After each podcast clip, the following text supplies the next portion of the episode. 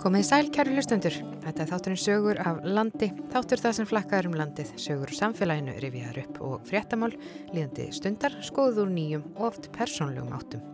Ég heiti Gíja Holmgistóttir og með mér í þessum þætti er Rúnar Snær Reynisson, fréttamaður á Austurlandi. Í þættinum fjöllum við um aðtilsverða síningu í húsinu á Eirabakka, þar sem fjallaður um missi, sorg, en síðast en ekki síst um lífið sjálft.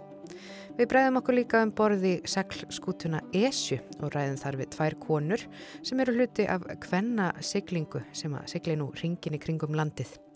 En við byrjum ekki á sjó, heldur á landi og hugum að dráttarvélum.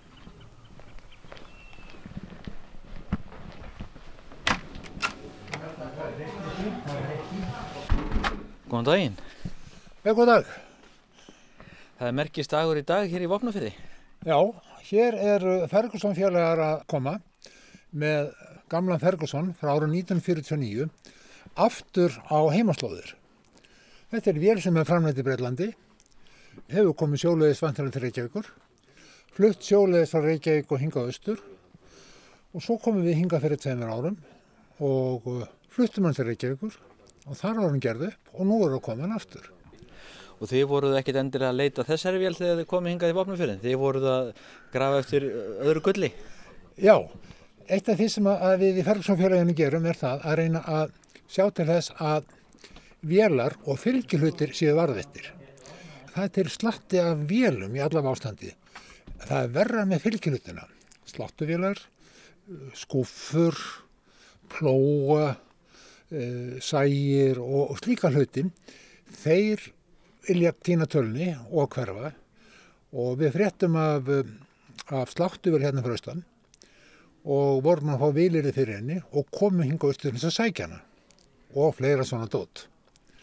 Svo ferð endaði með því okkur var sínd þessi dráttavél Ferguson TEA 20 frá orðinu 1949 og hún hafði borið auðkennisnúmerið SD6 sem þýðir að hún er örgulega með fyrstu vélum hér til þess að fá númer. Ég heiti Ragnar Jónasson, ég var kennari mestanpart æfið minnar, nú er ég eftirinn á þegi e, og, og áhuga maður um traktor er að dundar með við að, að gera upp farmal kupp því að árið 2029 þá verður 100 ára notkunnarsaga á International Harvester í Íslandi. Nú þess utan þá er ég formöður í félag eldriborgar í Kópói svo ég hef nóg að gera hvart ekki undan aðgerðarleysi. Og hvað er svona sérstætt við akkurat þessa dráttavél? Það eru margir skotnir í Ferguson eða þykir afskaplega vænt um þetta tæki? Sko, fyrstu dráttavél sem komu voru fyrst og næst notaður til þess að plæja og, og herfa. Svo þarna rétt fyrir 1950 eða já, þá fara að koma þær vélar sem að fengun uh, við, viðunarfnið heimilis dráttavélar. Dráttavélar sem að bændur áttu en ekki búnaðar eða ræktunarsamband. Farmal Kuppur, Farmal A, Sjálmers og fleiri svona tegundir. En Fergusonin, hann bauð upp svo fjölmörg tæki með sér og liftibislið. Það var liftibislið sem var hans einkenni. Að geta hift hlutina aðeins upp. Það var tryggið. Þú þurftur ekki að tengja græjun aftan úr vélinni, þú kannst lifta henni upp og kert með henn annan stað eða hvað? Þess vegna já. Þú kannst gert það með plógin. Síðan var þetta náttúrulega þannig að á þessum tíma eru kaupflögun sterk út um allt land.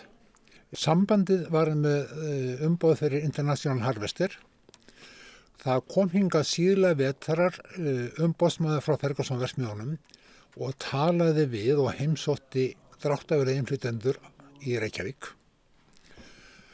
Og það endaði með því að þeim leist best á sambandið en sambandið gæti ekki yfirtekið umbóðið því þeir voru með allan og þeir stopna bara sér fyrirtæki, þráttavelar HF, sem er dóttur fyrirtæki sambandsins. Og í kjölfæri kemur þessi skemmtilega staða, þú ert bondi, þú ert félagi í kaufélagi, þú leggur um mjölkinu þeina, og þú leggur inn afurðunar á höstin og þú tekur út þar vörur sem þarf til heimlisins og þú getur farið í kaufalegi og þú hefur með sér val. Vil ég fá rauðavél eða vil ég fá gráavél? Vil ég fá frá hérna Harvestin International eða vil ég fá frá Ferguson? Þannig að þetta var náttúrulega bara eila öruskipti. Þannig að sambandið hafði yfirbörða aðstöðu þessum tíma. Og það voru mjög margar svona vélar, Ferguson vélar sem kom til landsins ekki satt? Jú, það komu, ef ég maður rétt, 1580 svona gráar Ferguson vélar, bensín en, og 112 díservélar. Svo upp úr 1960 þá var farið að flytja inn notaðar sérstaklega díservélar frá Skotlandi. Þá þurftu bændur að fá, sáu það að þurftu tvær vélar í heiskapin og þá var ódýrar að kaupa notaða vél á hálfumverði heldur en kaupa nýja vél. Það var oft sagt að það mætti sjá stjórnmálaskoðanir bondans á því hvaða dráttavél hann var með. Því að ef hann átti Deutz eða David Brown eða Ford eða einhver aðra tegundir heldur en Farmal eða Ferguson þá var hann öllu líkinu ekki franskonumæður, sjálfstæðismæður. Hann þurfti að fara og taka út peninga í kaufuleginu, inn á stöðinni og borga vélun annar staðar. Það var náttúrulega ekkert mjög vinsalt á kaufulegsmannum.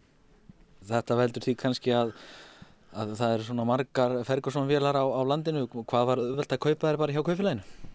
Ég held að það sé stór hlutaskýringunni.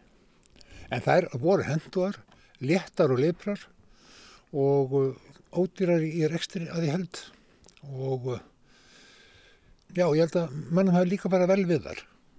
Og lísti hans fyrir okkur, hvernig notaði bóndin þessar Ferguson vél? Sko, traktor er útlenska orðið. Fyrir 1955 er komið tillaga að því að það sé notað orðið drægi í staðin fyrir traktor og það eiginlega lýsir vel því hlutverki sem að vélinn sinnir. Hún dregur og við þekkjum orðið dráttarvél. Hún dregur vagn, hún dregur hitt og þetta og menn notuð þessa vélar ólítið sem gerist útlöndum. Í útlöndum þá eru menni kortrækt og þá er plækt og aftur plækt árlega og svo er sáð höfrum eða, eða hverju sem er. Hér á landi eru jarfiðu miklu þéttar og öðruvísi og það er ekki verið að plæja neitt nema kartablugarð. Svo að hérna var plóurinn aukaðatriði en sláttu vilja ladaratriði. Þessi vél sem kom hingað að vopna fyrir því í dag er með sláttuvél af Ferguson gerð frá árun 1949 en þær þóttu óhendugar því að þú þurftur að horfa svo mikið aftur þú ætlar að fylgjast með ljánum og hvernig gengjast lág. Setna komu uh, aðrar tegundir sem heitir búsatis og, og fleiri þar sem þú gafst hort til hliðar til þess að sjá greiðuna. Það var miklu auðveldar og betra fyrir bondan, hann gæti bara litið í hliðir í staðins að snúa sér halvur aftur. Þannig að það var slegið og síðan var að sjálfsögðu náttúrulega snúið og rakað og svo breytust tæki smátt og smátt. Menn voru með jeppa og traktor slóu og snýru og, og, og tóku saman.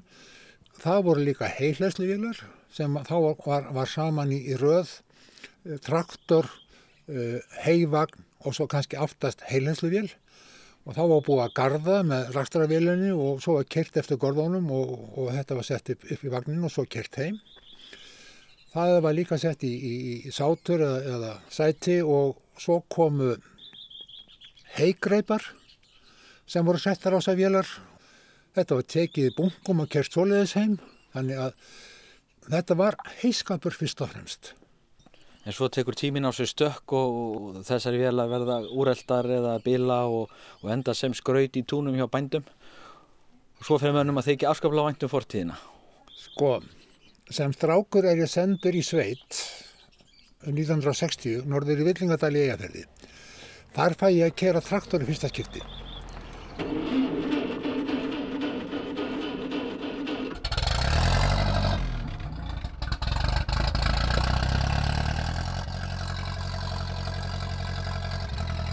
Það er talað um sambandamillu hunds og manns eða sambandamillu manns og hests. En ég segi þarna var til samband á milli manns og vélar. Það er stór stund í lífi stráks, ég þekk ekki stelpur, að fá að keira velknúði faratæki og traktora fyrsta tæki sem ég óg. Árin liðum og ég hugsaði með mér þegar ég kerði um landi í sumafríum og maður sér gamla vél niður á mel eða upp á hól eða niður í grifju. Það verður gaman eigan og svona. Ég haf enga aðstöðu til að gera neitt og gæti ekkert notað hana því að notkun er besta varðastlega gamanlega vélar. Það er bara starrend. Svo þegar ég egnaðist, eða fekk hérna landgræðslulóð, Östur og Gunnarsholtið, þá gæti ég sagt við konuna, var ekki upplætterska mín, að, að hafa traktor í svetinni. Og mér til undruna þá sagði hún já. Þá fór ég að leta vél og þar sem ég bar niður, þá var það þannig að þetta var vélinn sem hann afikifti eða þetta er vélinnast pappa og það stendur til að gera hann upp, við ætlum bara að byrja því vettur og tíu árum setna þá var vélinn enn á samastað og þannig var þetta nú mjög víða. Þannig að ég egnaðist þó vel fyrir rest en þá komst ég að því ég vissi ekki neitt, ég kunni ekki neitt. Og ég fór að hugsa með mér auðvitað þyrst að vera til einhver félagskapur þar sem að menn getu hist, rætt málinn og búið saman ráð sín og, og hjálpa hverjum.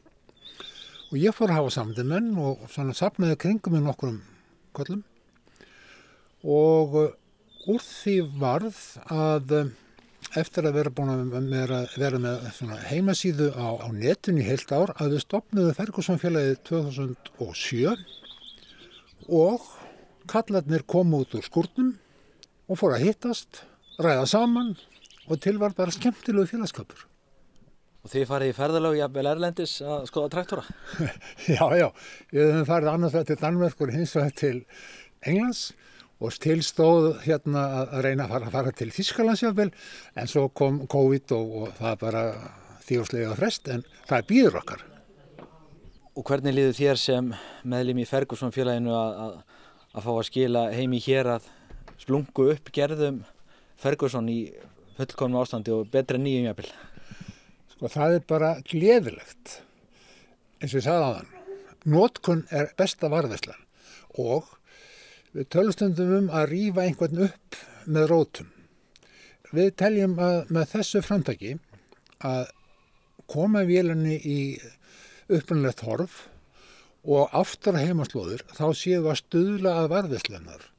Hér er minnjasapn, byggðasapn og einu sinni vorum við að sapna strokkum og oskum og, og öðrum slíkum hlutum, aktíum, en hlutur eins og traktor með fylgihlut, þessu tilvikið sláttuvél, á heima á stað eins og þessum. Þannig að mér liður mjög vel. Ragnar Jónasson og þakka í kella fyrir spjallið. Það er leikjant. Góðan dag. Ég heiti Sigurður Björnsson og tengis þessari vél þannig að þaðinn keipt hana 1949 uh, og kom með hana í Krossavík þar sem ég eiginlega ólst upp með þessari vél alla tíð og, og, og maður náttúrulega notur bara eins ég segir við alls konar landbúnaðarstörf og, og svo má segja að hún hefði verið notur líka í alls konar fyrkt líka sem var heldur til skemmtunar fyrir undirritaðum en ég myndi segja það hygglust að þetta hefði verið mesta bylting sem að ég man eftir upp í Krossavík að sagt hvað þetta var mikill munur og hvað þetta var mikill léttir að öllu hægt að tengja aftan í þetta vagna, kerfur, slá með þessu og gera allt sem er hugsaskap. Og nú ætlar að keira hana á sín stað hérna á, á plan við Burstafell? Já, ég er svona rífandi rosalega gladur með það að hún er hérna, nú er hún að fara hérna í bara fastan samanstað. Verður skemmt inni við veturinn og, og hérna hann ætlar að sjá um það hérna valgald og hérna mun verða hér til sínis á hverju sumri. Og ég er einstaklega gladur yfir því að hún skulle vera komin á í vopnaverðinu aftur og mér hlýnaði heldur en hjartaði bara hjartarættur þegar ég kerði hérna inn á hann og sá hana. Þú varst bara polli þegar þú byrjaði að fykta? Já, ég var óþálega ungur. Ég byrjaði óbeðin að kera hennar þegar ég var eitthvað rétt tæplega fimm ára og það var ekki við mikinn fögnuð en, en svo aftur á móti hérna var ég munstraður á vélina á, á áttundaldarsári og þá fór maður að fá að snúa hegi og slíku og, og svona þá var maður orðin löggiltur ökumæður, má segja. Svo setna meir þegar hún var eiginlega í raun og veru hægt að nota hana heim í sveitinni þá, þá hérna fekk ég hana þegar ég var að til þess kottnungur ég er húsasmiður og, og byggði húsinda mestu sjálfur.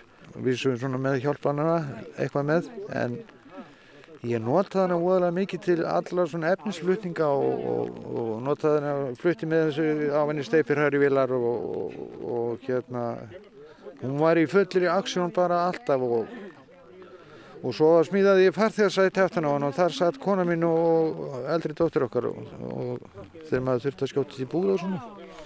Þannig að þetta var allt mjög ísi og afslappa. Já, sumum allavega fannst ég fara eitthvað ógættilega þarna í bænum sko. En ég held að það hefði nú verið einhver djöfisins stormur í vaskalasi sko. Held ég, ég fannst ég alltaf vera óskaplega gætin Já, ég ætlar ekki að setja stundu stýri. Jú, ég reyni það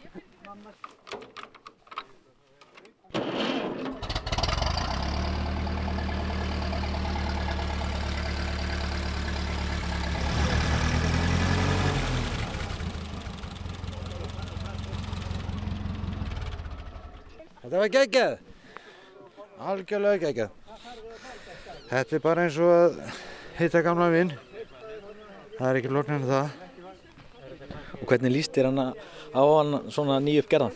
Mér finnst þetta bara rosalega fallegt og, og flott og, og einstaklega vel gert og ég tala ekki um hvað mér finnst þetta flott af því að meðal annars af því að gaurinn sem að sá aðalunum þetta hann er eh, held ég á nýraðis eldri. Sigurður Skarpjensson í Mórsfellsbæ? Já, einmitt. Þetta er bara, eins og ég segi, það er eiginlega engu við þetta bæta hann heldur og mér finnst þetta bara algjörlega gegja. Það hann skulle vera komin ykkar. Og ef ég fæ, eins og ég segi, frákváðsenginni þá þarf ég ekkert annað heldur en að, að rúla hérna upp yfir og kíkja, sko. Og svo gerir maður eins og bændur gerði í gamla daga þegar þeir fóru af þessum dráttavölum. Þá fóru þeir ekki hérna á milli, sko. Þeir fóru alltaf svona. Liftu löppun yfir stýrið? Yfir stýrið. Það er bara þannig. Og svo stegum maður hérna á þetta og svo rúlaði maður þetta. Þannig að... Heru, ég þakka ykkur bara kella fyrir spjallið. Já, hörðu, takk sem leiðis. Við góðan dag. Vera með þér. Já, sem leiðis. Frá Östurlandi höldum við á Suðurlandið. Í húsinu á Eirabakka opnaði nýlega sömarsýningin Missir. Við slóum á þráðin til síningarstjóra síningarinnar Lindu Ástísardóttur og fengum hana til að segja okkur frá síningunni. Á síningunni Missir þá eru það að sína gripi sem hafa tilhört fólki sem hafa, hafa dáið svona kannski fyrir aldur fram eða blóma lífsins. Og allt er þetta gripir sem að uh, eftirlifindur hafa varðveitt svona sérstaklega til minningar um sína ástvinni og þannig verður það ósjálfrátt að síningin þótt að hún sé í reynin að segja frá átta einstaklingum og uh, þeirra uh, svona að vera að dreipa þeirra svona aðeins að rifja upp þeirra líf og um, hvernig þeir fóru þá er þetta í rauninni kannski síning meira um eftirlifindina. Þannig að þetta er í rauninni síning sem að fjallar um það hvernig við uh, heiðurum minningu ástöðuna okkar með því að geima gripi annarkort er þetta kannski gripur sem eru settar í litla kistu eða, eða settar hún í skuffu eða gemdar í umslögum eins og hárlokkur eða, eða lítið leikfund barna en svo er þetta getur þetta líka verið bara handverkið sjálft. Elsta sagan það eru Margaret Aldís Árnardóttir hérna uh, en, enga bara fóreldra sinna uh, hún er frá Eirbakka og uh, það er alveg urmull af gripum. Um, mér líkur við að segja að við hefum bara fengið allt úr hérna litlu veröld hennar. Manni líður þannig, það er bæði leikfung og, og handverk og lítil skipta nafinu og svona jólaskórnir sem voru aldrei notaði söðskískór en uh, svo er það Kristín Stefansdóttir Stefansinn og laugadalsrætti sem að deyð þarna frá uh, stóru heimili. Helgi Guðmundsson litli í Arabæhjálega í Flóa, svo er það Kristinn um, Sigurðarsson, Sigursson uh, sjómaður og eirabakka, Jóhann Guðmundsson á Yðu sem að uh, mikill haglegsmiður sem að er líka frá mitt stórri fjölskyldu. Sigurbjörg Stefansdóttir frá neðra Abavatni, hún, hún er bara eiginlega ný gift og ný komin á Abavatni, þau eru búin að vera hjón í tvö ár hún og maðurinn hennar og hún deyf barndlaus hans og þá er gripinu hennar einmitt varðettir af, eh, af hálsýstur hennar og komað þaðan hennar samt. Þau eru það Ólafíja Lilja Sigurðardóttir, Sigurðardóttir Lóa og hún hérna, hún, hún deyr uh, frá tveimu börnum en það var einmitt, þetta er uh, 1942 og það er jáfnveg svo merkilegt að, að sko uh, Bræi, sonur hennar, hann fær ekki að vita að hún fer á spítala og svo líð alveg bara, líður langur tími, bara einhverju mánu þar til hann fær að vita að hún er í raunin dáin. Þannig að það var jafnveg verið svona kannski hlýf börnum eða geti trúið því. Og svo okkar síðasta og nýjasta, það er hún Helga Eiríksdóttir sem að það er 64 í, í bilslist. Já, kveikin af síningu er í rauninni e, kistill Helga Guðmundssoni í Flóa. Það er í rauninni sapgripur sem að maður hefur rekist á svona í gegnum ári. Ég er búin að vinna, e, hafði á, á langan starfsaldur á byggðarsafninu þó því að e, starfið er ekki lengur á helsás en Um, þetta greipur svo þar sem að uh, var skilið hérna inn á sýstur hans Helga, henni önnu, þegar hún var hann háaldruð og þá hafið, uh, hafið fóruldrar Helga varðveitt kistilinn alveg bara ósnertan með litlu leikfengunum hans og öðrum munum frá því hann deyr bara fimm ára gammal úr, úr botlungapólku. Ég komst alltaf við þegar ég hérna, þegar ég átti ykkur þessi greip, greipur átti ykkur að hérna, leið um hendur mínar og maður gæti ekki annað en opna hann og þú veist, þannig er þetta gummibolti sem er orðin aðharður af aldrei og, og lítill pappurspátur og, og þetta var eitthvað svo gott að ímjögum það hvernig, hvernig bara tíminn stoppar og, og minninginu varveitt svona, þú veist, til þess að geta upplifað aftur nándina við þann sem maður hefur mist og kannski líka bara að venjulega koma svona gripir ekki þessa leiðin og sapn. Var, það er einmitt þetta sem mér fannst bara svo spennandi við, eh, við það að fara að skoða sapningnina er að yfirleitt þá geta munir komið og þeir eru kannski slítnir úr þessu samhengi síni. Já. Þannig að þeir varveitast kannski mjög sjaldan sem svona ein held í einum litlum kistli, skilur mig. Þannig að ég í rauninni fer síðan og bara skoða sapningnina og, og, og plokka upp einhverja fræði og, og skoða bara gefendur og dánatöl fólks og þá finn ég í rauninni fólk sem að, ég meina sund var kannski augljóst, Margrit Aldís Árnadóttir stelpa sem að það er okkar eldsta saga, hún fætt 1900 og deyr 1909 en gripinni henni voru margir á síningu, litlu leikfengin hennar og, og mynd með útskornu ramma eftir pappa hennar en það var svo sem ekki verið að sína það á safninu sem gripir lítilla stelpu engabarn eh, fóldra sinna sem að deyri átt á hálsar skrömmul. Heldur eru þeir í rauninni síndi bara sem dæmum leikfeng stúlku eh, snemma á 20. stöld, skilur mig. Já, en þú hefur þurft að fara í tölverða rannsóknar vinnu á þessu fólki. Hvernig hefur það verið? Uh, já, í rauninni, um, sko, ef, maður þurfti í rauninni bara að stoppa sig vegna þess að, að uh, það var raunin ekki hægt að leggja vinnuna í að, að uh, gera æfisögu átt að einstaklinga fyrir eina litla síningu en, um, en ég bara plokkaði upp þessa þræði frá gefendum og áfram. Og það gæti alveg verið pínlítið snúið í sumum tilfellum. En, en við tókstum í flestum stöðum að finna afkomendur afkomendur fólksins og fá það kannski pínlítið meira um, meiri svona sögu vegna þess að þegar gripur eru skila á, gripur er skila á safnið þá um, fylgir ekkert endilega með. Maður er bara heppin núna þegar maður sér í skráningu ef að fylgir með einhver saga baki gripa. Eins og, eins og mynd og minningaskjöldur um, um sjómaninn Kristinn þá sem að dó 19 ára í sjóslisi þá fylgdi til dæmis svo saga að myndin og minningaskjöldurinn hafi hangið fyrir ofan rúm um, bróður hans alla æfi þannig að hann hafi geta séð séð það fyrsta sem hann sá þegar hann vaknaði á mornana. En í mörgu tilfellum þá hefur maður ekki þessa, um, þessa útskýringu, þessa sögu og, og fær hann ekki heldur vegna þess að gripinni skilja sér náttúrulega samt bara þegar uh, langt um liði. Þegar, bara, þegar allir er eiginlega dánir sem að minnast, sem að þekktu viðkomandi.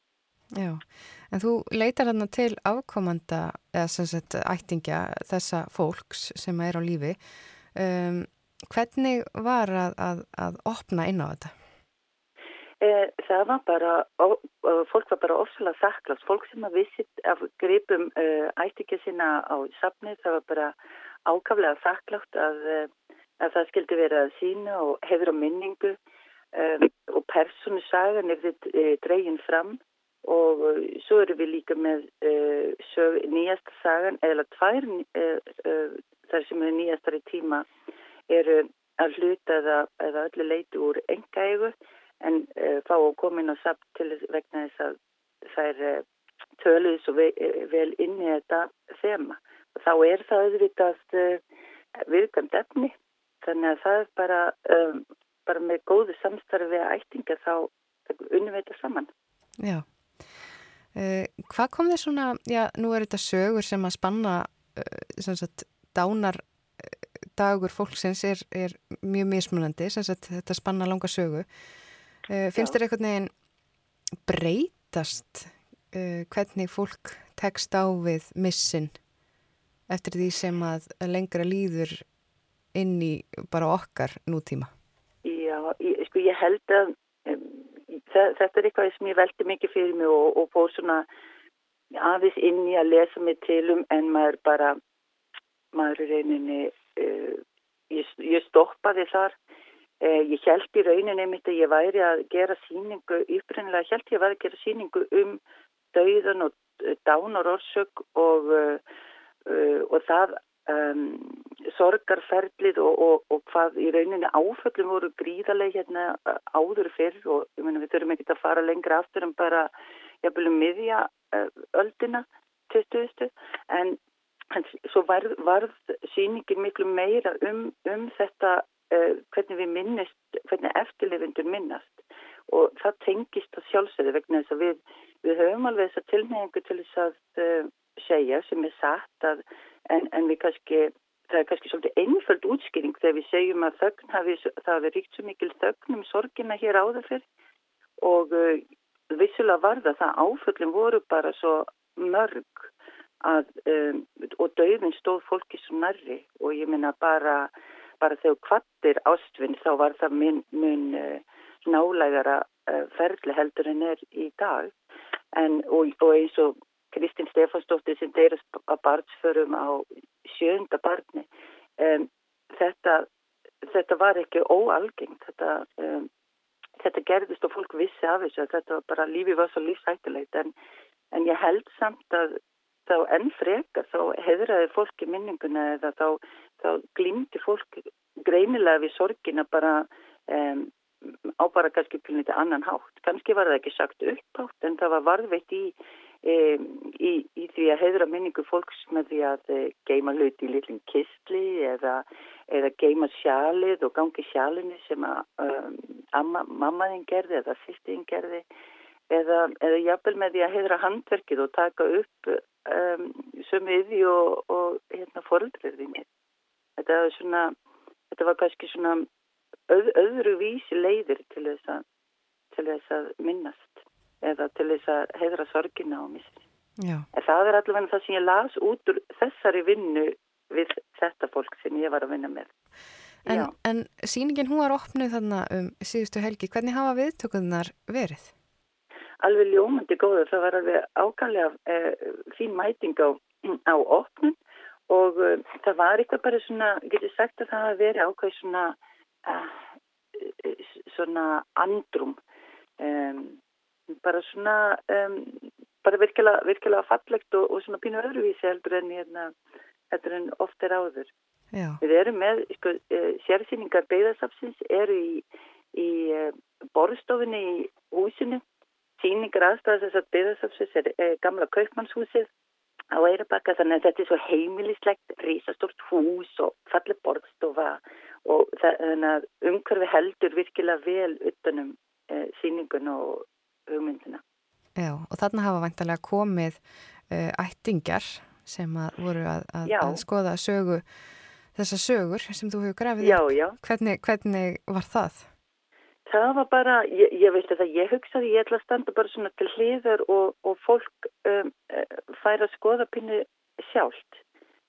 Þannig að ég bara, hérna, en mér, mér fannst allir bara að vera ofsalega um, ánæður og þakkláttir að um, minn, gömul minning sé hefrið.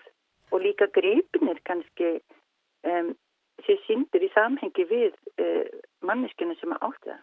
Svona alveg svona mjög, skýrum hætti. Ég vil þótt að sé nefnt uh, almennt, um, almennt ef þú ert að sína greipa á safni og nefni kannski hver átti og jafnvel hvernar og svo manneska var á lífi en, en, en samhengi við í af hverju greipurinn var varðveittur á fjölskyldina, hann hefur kannski horfið en, en það er ekki alveg tilvíðin, það er einmitt vegna þess að, að manneskinn dó, um, manneskinu var svona sárt saknað og dó fyrir aldrei fram. Það var auðvitað fallið sem þú sagðir hérna í upphafi samtalsins að það fjallar um dauða og missi en samt fjallar þetta mögulega meira uh, bara um lífið. Já, já. Og þá sem að, þá sem að eftirlífa, það er bara eftirlífundur.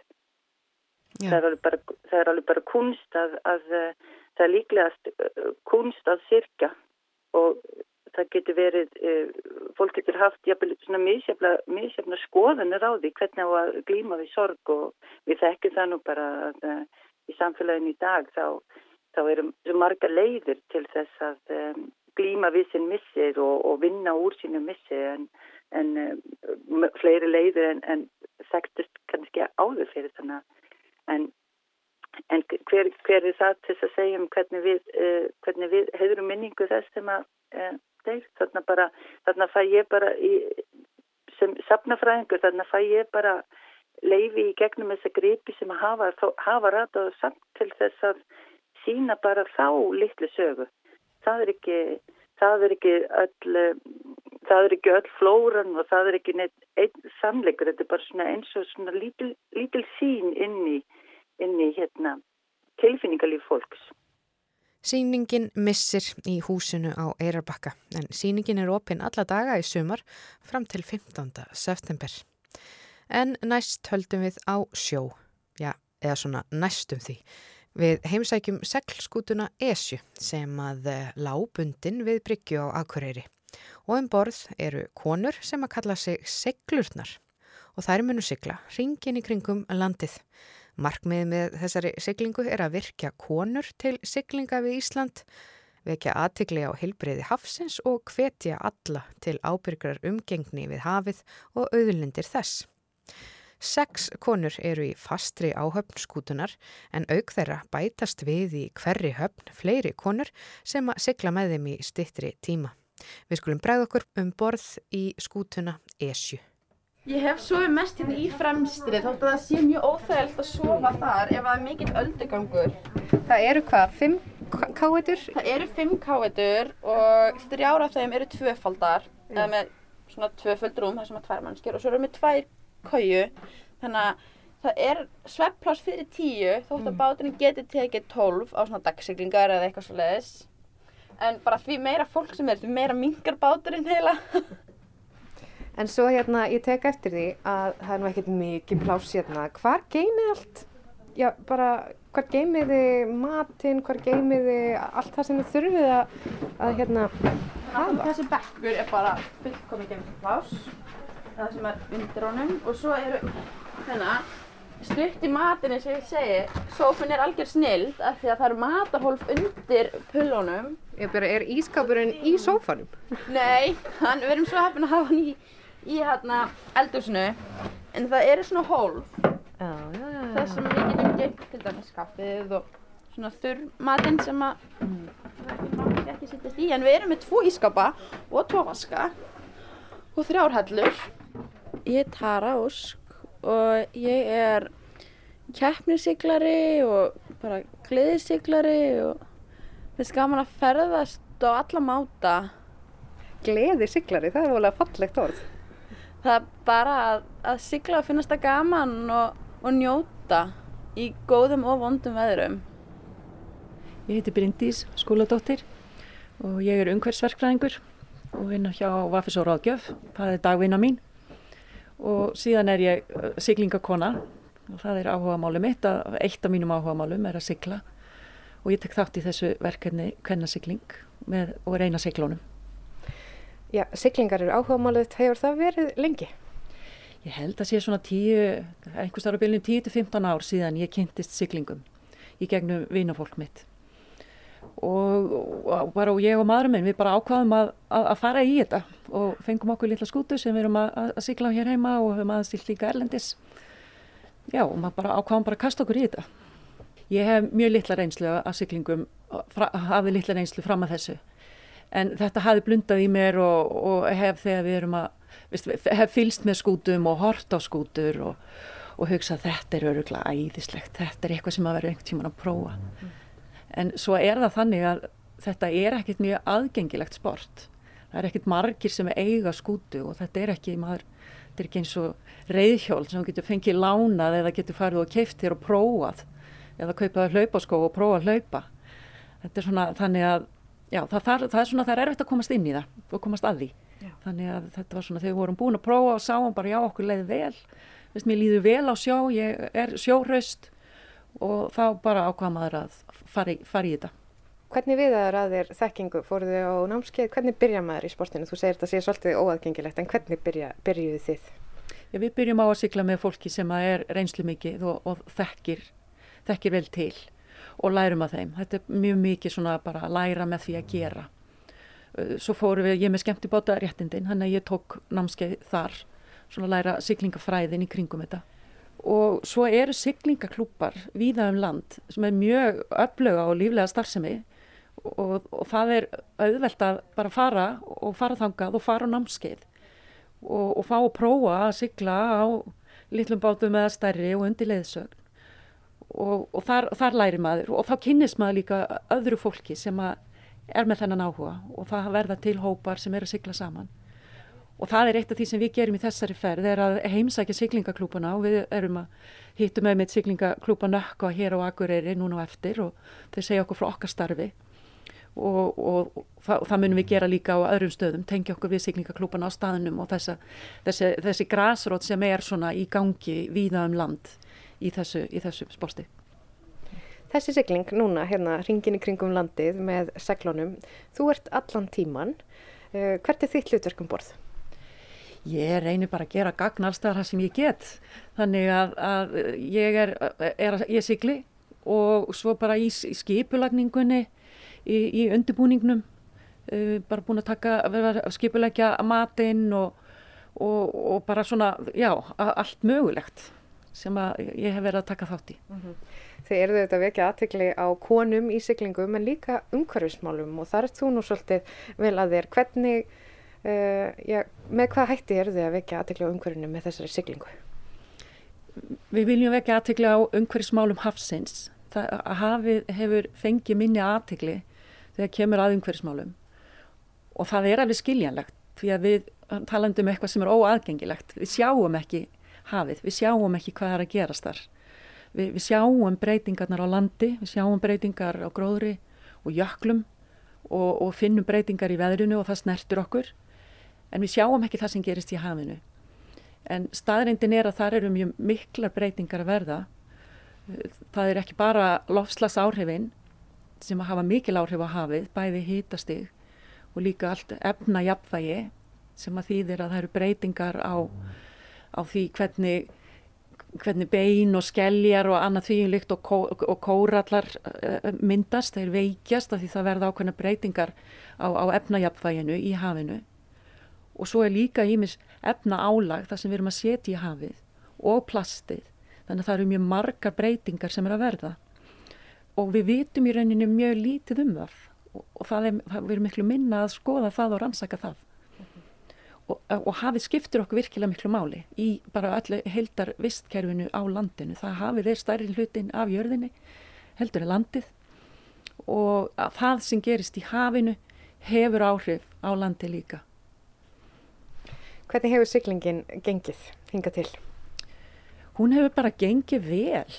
Við höfum hérna, við erum með alveg frábæran skipstjóra og við höfum svona haga syklingunni þannig að, að, að, að reyna að fá þægileg syklingaveður. Uh, við höfum alveg lendt í, í vindi og, og öldugangi. Það hefur aðeins borið á sjóveiki. Ekkert samt sko þannig að eitthvað það hafi orðið mjög óþægilegt. Þetta hefur svona gengið yfir og það, og það er alveg eðlilegt líka þegar fólk kemur um borð í skútu að það takir svona smá tíma að vennjast. En, en syklingin hefur bara gengið alveg príðilega. Við reyndar lendum í hérna, hafar í hérna á leiðinin til Akureyra sem Tara kannski segja frá eftir.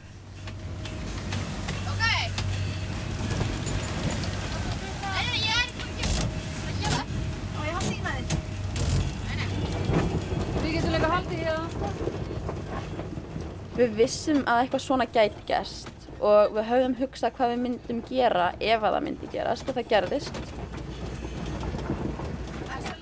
Framsækla búnaðurinn sem heldur því inni þegar við viljum ekki nota það eða heldur því úti þegar við viljum nota það, hann fór í smá klessu og, og seglið rúlaðist út og það var ekki eftir að taka það inn aftur, hann við þurftum að taka það niður sem að er ekki gert út á sjó nema nöðsynlega þurfi. Og það voru öldur og það var smá vindur og það var smá aksjón í gangi og það þurfti að fara fram á bátinn og það var smá fjör en við náðum því niður. Og það er allt í lagi. Og það er bara smá sem að þarf að laga og koma í gang en það virkar alveg og við munum alveg geta það áfram.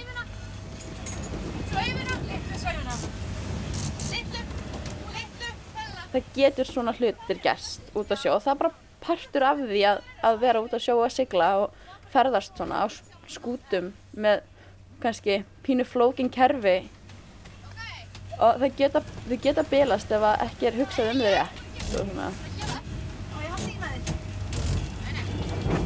Við getum líka haldið í það. Þú ert uh, yngsti meðlimur áhafnarinnar. Þú ert 17, aðverða 18, bráðlega um, og ert að læra vélstjórn. Það eru fáar stelpur auðvitað að læra vélstjórn og, og, og segðu mig hvernig er námið í, í vélstjórninni? Það er bara mjög fínt. Það er svolítið gamaldags ennþá. En mórallin er fín meðal nefnda og, og þetta er bara, þetta er svolítið langt nám en í staðinn þá verður þetta háskóla stíi þannig að maður þarf kannski endilega að fara í háskólan og þetta nám getur opnað margar dyr af því að þetta er snertir svo mikið. Þannig að þetta er bara skemmtilegt nám. Getur verið pínu krefjandi en þetta er alveg bara gott og fjölbreytt nám. Já. og þessi sigling ánum svolítið að breyta því að hvetja konur og stelpur eh, til þess að fara meira í siglingasportið. Og þú sjálf hefur verið í þessu bara frá blöytu barspeini eh, fórildra þínu fengur svona þessa siglingabakterju eins og Bryndís var að tala um. Eh, segð mér svona frá þinni siglingar já, reynslu. Já, ég byrjaði bara áður en ég byrjaði að muna sko, þegar fórildra mínir voru búin að ákveða það að kaupa bát, þá byrjaði bara að læra og finna reynslu og, og bara undibúa sig. Og þau byrjaði að sigla á uh, litlum kjölbátum. Og það var kannski erfitt að finna barnapíu eða eitthvað en ég var bara tekin með stundum. Og þá var ég um það byrjað þryggjára og svo var keift bát keiftu þau sér uh, aðeins minni bát heldur en við erum að sigla á núna og við byggum bara á honum. Og þá hef ég bara lært að þeirra bara á siglingunni sem þau ákveða að taka og, og þau hafa silt í kringum landið uh, einu sinni. Þegar bara fyrsta ferðin á bátnum var í kringum Ísland og þá var ég 6-7 og svo hafa þau bara verið að hafa, hafa þau tekið á tvo bræður og þegar eitt barn er í nýjöndabekk þá vilja þau kippa því út í samfélaginu og leifa því barni að upplifa bara nýtt í heilt ára og ég var bara svo heppin að vera yngst og fá að fara í þrjárferðir og það hafa allt verið ársferðir og við höfum farið um Evrópu svolítið Þannig að siglingar hafa verið bara hluti af þínu lífi og, og hvernig sér þið framtíðina fyrir þér? Þú ert að læra velstjórnina, þú ert að fara að klára hana. Hvernig sér þið svona framtíðina í siglingum? Vonandi fer ég bara út á sjó að vinna og ég er enga veginn búin að sigla. Mér finnst gaman að keppa og ég er í kænusiglingum sem eru minni bátar. Og ég held þessi bara enga veginn búin þar. En mér langar svolítið að fara líka að keppa svolítið á stórum bátum og svo líka bara sigla um að ferðast að þetta er frábær ferðamáti líka. Að sigla þetta er umhverfisvætna heldur en flest annað. Þannig að, og ég kann þetta þannig að bara fínt að nýta það og, og vonandi bara komast í ferðalög og ferðast með þessa þekkingu mm -hmm. Bryndís, aftur að þér, talandu um framtíðina í siglingum, hvernig sér þú, hver eru þínastu skreif, hver eru þínir draumar, siglingadraumar? Það er að bara halda áfram að, að, að sigla og læra meira. Uh, maður, hérna, mér finnst eins og maður verði aldrei full numa í þessu. Það er svo margt sem, að, margt sem hægt er að læra til viðbótar og að, að læra síðan náttúrulega á hvernig maður haga siglingu eftir veðri og ströymum og, og núna er ég að læra mjög mikið af Siggu og Töru sem eru mjög reyndar og Sigga er náttúrulega algjörlega frábær skipstjóri og mjög gaman að fylgjast með því hvernig hún hugsaður með vinnur með veður og ströyma annað því líkt. Þannig að mér langar bara að mjaka mig meir inn í þetta og, og þetta væri frábært að gera eins og Tara hefur gert að taka síðan lengri siglingu einhver staðar um heimshöfin. Svona framhaldið hjá ykkur núna, nú eru þið í höfn hérna á Akureyri, uh, ég er að spjalla við ykkur hérna á þriðju degi, hvernig er vikan hjá ykkur? bara næsta stefna er Húsavík og svo er það Djúbivogur eftir það, Eskifjörður og svo Djúbivogur og svo Vestmannegar og svo Reykjavík mm -hmm. sem er vonandi komist við í höfni Reykjavík sjötta í næsta mánuði. Þannig að en núna eins og við segjum við erum búin að lendi í smá vesinni og það þarf smá viðgerðir og vonandi gerist ekkert svo leiðis aftur en þetta er það gæti gerst og þá gæti senkað en við ætlum að reyna að halda plani og, og bara sigla og sigla meira mm -hmm. Hvað finnst þér þú hafa lært af uh, ferðinni? Bara svo mikið þetta er fyrsta sinn sem ég sigli í hóp hvenna þannig að það er bara ný vandamál og nýja lausnir og nýjar aðferðir sem að koma upp og sem að kennir manni svaðalega mikið um samskipti og viljan til að læra líka hjá mörgum konum. Við erum búin að fá átta nýja konur og hitta nokkra að hitta allar sem að ætla að hitta okkur í framtíðinni og það eru allar bara með mikinn áhuga og, og, og það verður gaman að kenna þeim og gaman að læra, læra og heyra frá þeirra sögum og svona Já, Já Bryndis, hvernig finnst þér að taka á móti og vera með allir með þessum nýju konum sem að koma inn á hverjum stað og og já, eru ekkert með endilega mikla reynslu af syklingum. Hvernig er að fá þær alltaf inn? Það er mjög gaman og, og það verður svona ólík stemning eins og, eins og gerist þegar nýtt fólk kemur inn og þá myndast svona aðeins ný, ný kemja og ný stemning og það er sumar haf, sem, að, sem koma inn og við, við náttúrulega við, og, og, þetta var, var luxusvandamál hjá okkur hvað margar sóttu um þannig að við gáttum valið Þannig að við veljum inn bæði konur sem eru með einhverju reynslu og bakgrunn og aðra sem eru, vita ekkert, það hafa aldrei prófað áður. Og, og þetta er mjög gaman sko og þær eru líka að kenna okkur á, á svo margan máta. Mm -hmm. Bæði með siglingar og, og svo bara það sem var, já, bara það sem þær hafa fram að færa, varðandi einmitt varðandi umhverjusmálin eða bara jókatímin sem við tókum hérna út á, út á dekki í hérna í aðalvíkinni einu kom með svona paddleboard sem við vorum með og veist, þannig að þær koma með alls konar hluti hingað inn og mikla þekkingu, við hefum verið með konur hérna sem eru með mjög mikla þekkingu á landinu og hafa verið að segja okkur sögur og fræða okkur um það svæði sem við erum að sykla fram hjá. Þannig að þú ert búin að læra heilmart á þessum tíma núna. Já, þetta er rétt rúm vika og mér líðan eins og þetta sé bara margir mánuðir. Takk hérlega fyrir spjallið Tara og Bryndís, seglunar og gangi ykkur vel restina af ferðarlegin ykkur. Takk fyrir. Takk fyrir það. Og þar með er sögum af landi lokið í dag. Í þættinum var rætt við Ragnar Jónsson, Lindu Ástísardóttur og nú síðast var rætt við Töru Ósku Markusdóttur og Bryndísi Skúladóttur. Tæknimaður í þessum þætti var Lítiða Gretarsdóttir. Við þökkum þeim sem hlýttu. Livið heil!